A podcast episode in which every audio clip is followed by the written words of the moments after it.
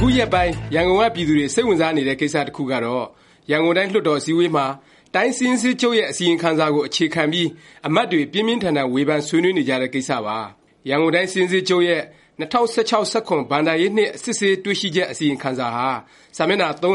၃ မျက်နှာပါပြီး နောက်ဆက်တွဲ စာရင်းဇယားတွေလည်း ပါဝင်ပါတယ်။သိပ်မကြာသေးခင်တုန်းကပဲ အဲဒီ အစီရင်ခံစာ အမတ်တွေကို ဖြန့်ဝေထားပြီး လွှတ်တော်တွင်းကိုတော့ ၂၅ မျက်နှာပါ အစီရင်ခံစာ အကျဉ်းချုပ် ဖတ်ကြားတင်သွင်းခဲ့ပြီးပါပြီ။လွှတ်တော်တွင်း ဆွေးနွေးချက်တွေကို လေ့လာရသလောက် အမတ်တွေဟာ အစီရင်ခံစာကို အပိုင်းလိုက်ခွဲပြီး ဝေဖန်ဆွေးနွေးနေပုံရပါတယ်။ဒါဟာ လွှတ်တော်ဘက်က အမတ်တစ်ယောက်ကို ဆွေးနွေးချိန် ၁၀ မိနစ်လောက်ပဲ ပေးထားတာကြောင့်လည်း ဖြစ်နိုင်ပါတယ်။စာရင်းစစ်ချုပ် အစီရင်ခံစာထဲမှာ ဘာတွေ ဖော်ပြထားသလဲ၊တိုင်းအမတ်တွေ ဘယ်လောက် ဝေဖန်နေကြသလဲ၊အဲဒီကနေ ဘာတွေ ကောက်ချက်ချနိုင်မလဲ ဆိုတာ ခုတစ်ပတ် ဆွေးနွေး တင်ပြသွားပါ့မယ်။စာရင်းစစ်ချုပ် အစီရင်ခံစာမှာပါတဲ့ အရင်အစိုးရခေတ်က မသမာတဲ့ လုပ်ရပ်တစ်ချို့ကတော့ ဒဂုံအရှေ့မြို့နယ် မလစ်ကျေးရွာအုပ်စုက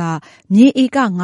၀ ကို Excellent Fortune Construction ကုမ္ပဏီကို မြေငှားစာချုပ်ချုပ်ဆိုပြီး ၅ ရက်အတွင်း ဂရန်ချထားပေးလိုက်တဲ့ ကိစ္စ၊ အဲဒီကျေးရွာက နောက်ထပ်မြေဧက၄၀၀ကို အသေးစားစက်မှုဥယျာဉ် ထူထောင်ဖို့ဆိုပြီး မြို့တော်သစ် ဖွံ့ဖြိုးတိုးတက်ရေး ကုမ္ပဏီကို ၂၀၁၅ ဒီဇင်ဘာလက ငှားရမ်းစာချုပ် ချုပ်ပေးတဲ့ကိစ္စ ဒါပေမယ့် ထူးခြားတာက ငှားရမ်းစာချုပ် ချုပ်မပေးမီ တစ်လ အလိုကတည်းက မြေငှားဂရန်တွေ ထုတ်ပေးပြီးဖြစ်တာကိုလည်း အံ့သြစရာ တွေ့ရတယ်လို့ တိုင်းအမတ် ဦးနေဖုန်းလတ်က ထောက်ပြပြီး ရန်ကုန်တိုင်းအစိုးရအနေနဲ့ ပြန်လည်စိစစ်ဖို့ အဆိုပြုထားပါတယ်။ လက်ရှိအချိန်ထိ အများနဲ့သက်ဆိုင်နေတဲ့ ကိစ္စတစ်ခုကတော့ ရန်ကုန်မှာ ခေတ်မီမီးပွိုင့် အချက်ပြစနစ် တပ်ဆင်ဖို့ တရုတ်-မြန်မာ ဖက်စပ် မြန်မာ့ရွှေရောင်ကုမ္ပဏီကို ကျပ်ငွေ ၁၉ ဘီလျံနီးပါးနဲ့ တင်ဒါပေးထားတဲ့ ကိစ္စပါ။ စာချုပ်ပါအချက်အရ သတ်မှတ်ချိန်လုပ်ငန်းမပြီးရင် တစ်ရက် ဒဏ်ကြေး တစ်သိန်းပေးရမယ်လို့ ပါဝင်ပါတယ်။လုပ်ငန်းကို ၂၀၁၆ ဖေဖေါ်ဝါရီလက စတင်ပြီး သြဂုတ်လ ၂၃ ရက်နေ့မှာ အပြီးသတ်ရမယ်၊မပြီးရင် တစ်ရက် ဒဏ်ငွေ ကျပ် တစ်သိန်းဆောင်ရမယ်လို့ ဆိုထားလေတော့ ဒီကနေ့ အချိန်ထိဆို ကျပ်ငွေ သိန်း ၇၃၀ ကျော် ဆောင်ရမှာဖြစ်ပေမယ့် ကျပ်ငွေ သိန်း ၂၁၀ ပဲ ပေးသွင်းထားလို့ အစိုးရဘက်က ရစရာ ကျပ်သိန်းပေါင်း ၅၂၀ ကျော် ကျန်နေပါသေးတယ်။အခြားတစ်ဖက်မှာ လုပ်ငန်းကလည်း ဒီကနေ့ အချိန်ထိ မပြီးပြတ်နိုင်သေးပါဘူး။အဲဒီ ပြသနာနဲ့ အလားသဏ္ဍာန်တူတာတွေကတော့ ရန်ကုန်တိုင်းအစိုးရကနေ ပုဂ္ဂလိကကို ကန်ထရိုက်ပေးပြီး ဈေးတွေ တည်ဆောက်ခိုင်းနေတဲ့ ကိစ္စပါ။တာမွေမြို့နယ်က ရာပြည့်ဈေး၊အင်းစိန်မြို့နယ်က ဒညင်းကုန်းဈေးနဲ့ မြောက်ဥက္ကလာက သီရိရတနာလက်ကားဈေးတွေဟာ သတ်မှတ်ချိန်မှာ ပြီးအောင် တည်ဆောက်နိုင်ခြင်းမရှိလို့ ပြည်သူတွေ ထိခိုက်နေရတဲ့ ကိစ္စပါ။ဒါကြောင့် စာချုပ်ပါ စည်းကမ်းများအတိုင်း စနစ်တကျနဲ့ ကျေပွန်စွာ ဆောင်ရွက်နိုင်သော ကုမ္ပဏီများနှင့်သာ ဆောင်ရွက်စေလိုပြီး စည်းကမ်းအတိုင်း မလုပ်နိုင်တဲ့ ကုမ္ပဏီတွေကို စာချုပ်ဖျက်သိမ်းခြင်း၊လုပ်ငန်းထပ်မံအပ်နှံမှု မပြုခြင်း စတဲ့ ပြောင်းလဲမှုတွေလုပ်ဖို့ ဦးနေဖုန်းလတ်က အကြံပြုပါတယ် အစီရင်ခံစာထဲမှာ ဝန်ကြီးချုပ် ဦးဖြိုးမင်းသိန်းကိုယ်တိုင် ဦးဆောင် အကောင်အထည် ဖော်ခဲ့တဲ့ ဘတ်စ်ကား ကုမ္ပဏီ နှစ်ခုဟာ ဘတ်စ်ကား အသစ် အစီးတစ်ထောင်ကို ကျပ်ငွေ ၇၈ ဘီလျံ သုံးပြီး ဝယ်ခဲ့တဲ့ ကိစ္စ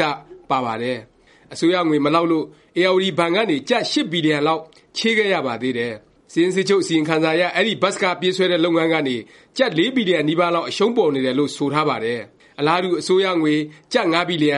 ကမ္ဘောဇဘဏ်ကချေးငွေကျပ်၅ဘီလျံခွဲစုစုပေါင်းကျပ်ငွေ၁၀ဘီလျံခွဲကျော်စိုက်ထုတ်ပြီးကိုရီးယားနိုင်ငံကကျောင်းဘတ်စ်ကားအစီး၂၀၀ဝယ်ယူထားတဲ့ကိစ္စကလည်းနောင်အရှုံးပေါ်မှာသေချာနေတဲ့လုပ်ငန်းကြီးဖြစ်နေပြန်ပါတယ်။ဒီပြသနာနဲ့ပတ်သက်ပြီးတိုင်းအစိုးရအနေနဲ့ဘဏ်ချေးငွေတွေရယူရာမှာလွှတ်တော်ရဲ့သဘောထားရယူထားခြင်းမရှိလို့ပုဂ္ဂလိကကငွေချေးတဲ့သဘောဖြစ်နေလို့အကြွေးတွေကိုပြန်ဆပ်ဖို့လွှတ်တော်ကသဘောမတူနိုင်ဘူးလို့အမတ်ဒေါ်စန္ဒာမင်းကတင်းတင်းမာမာဆိုပါတယ်။အရင်အစိုးရခေတ်က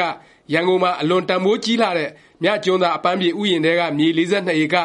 ကုမ္ပဏီ ၈ ခုကို မဆိုစလောက် ဈေးနှုန်းနဲ့ ငှားရမ်းပေးထားတဲ့ ပြသနာကိုလည်း အမတ်ဦးလှဌေးက ဝေဖန်ပါတယ်။အဲဒီ ကုမ္ပဏီတွေကို လုပ်ငန်း ဆက်မလုပ်ဖို့ ညွှန်ကြားထားပေမယ့် စားသောက်ဆိုင်ကြီး နှစ်ဆိုင် ဖွင့်လှစ် ရောင်းချနေတာ၊ကျန် ကုမ္ပဏီတွေနဲ့ ပတ်သက်ပြီး တိကျတဲ့ ဆုံးဖြတ်ချက် ချမပေးနိုင်သေးတာအတွက်လည်း သူက ထောက်ပြပါတယ်။အလားတူ အိမ်ယာတွေ ဆောက်လုပ်ရာမှာလည်း အစိုးရဘက်က ကျပ် ၄-၅ ဘီလျံမက နစ်နာနေတဲ့ ပြသနာတွေကိုလည်း ဝေဖန်ကြပါတယ်။စာရင်းစစ်ချုပ်အစီရင်ခံစာတင်တိုင်းပါလေ့ရှိတာကအရင်အစိုးရလက်ထက်ကကန်တော်ကြီးစောင်းလိုပြည်သူ့ဥယျာဉ်လိုနေရာမျိုးကမြေတွေကိုဈေးပေါပေါနဲ့ချထားပေးတဲ့ကိစ္စပါ။ဈေးနှုန်းတွေပြင်ဆင်တယ်ဆိုပေမယ့်လက်ရှိပြင်ပပေါက်ဈေးထက်အများကြီးနည်းနေတဲ့အတွက်အစိုးရဘက်ကနစ်နာနေတဲ့ကိစ္စကိုလည်းပြန်ပြီးသုံးသပ်ဖို့တိုင်းအမတ်ဦးလှဌေးကထောက်ပြပါတယ်။အလားတူရန်ကုန်မြို့တော်စည်ပင်သာယာရေးကော်မတီ YCDC နဲ့ရွှေနေကြီးဝန်ဆောင်မှုကုမ္ပဏီပူးပေါင်းပြီး CDFM အသံလွှင့်လုပ်ငန်းလုပ်ရာရာကနေ ကုမ္ပဏီက အမြတ်တွေ အများကြီးရပြီး အစိုးရဘက်က အမြတ်နည်းနည်းပဲ ရနေတဲ့ ခွဲဝေမှုကိုလည်း ဦးနေဖုန်းလတ်က မေးခွန်းထုတ်ပါတယ်။စာရင်းစစ်ချုပ် အစီရင်ခံစာနဲ့ ပတ်သက်ပြီး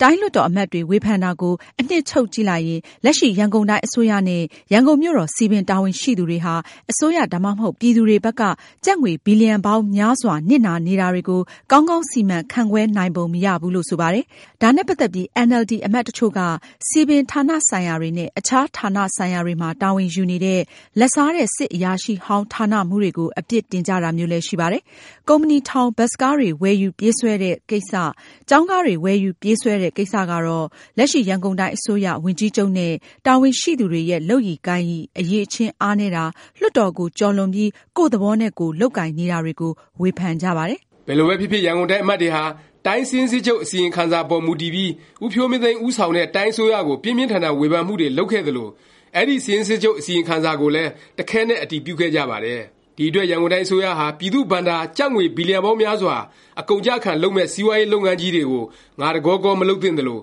အစိုးရဘက်က ကျပ်ငွေ ဘီလျံ ရာနဲ့ချီ နစ်နာနေတဲ့ ကိစ္စတွေကိုလည်း တိတိကျကျ တာဝန်ယူ ဖြေရှင်းရပါမယ်။ဒါတင်မက ဒီကနေ့ထက်တိုင် အောက်ခြေမှာ ဖြစ်နေသေးတဲ့ အကျင့်ပျက် ခြစားမှု ပြသနာကိုလည်း အမတ်တွေနဲ့ ပူးပေါင်း ကိုင်တွယ် ဖြေရှင်းသင့်ပါကြောင်း တင်ပြလိုက်ရပါတယ်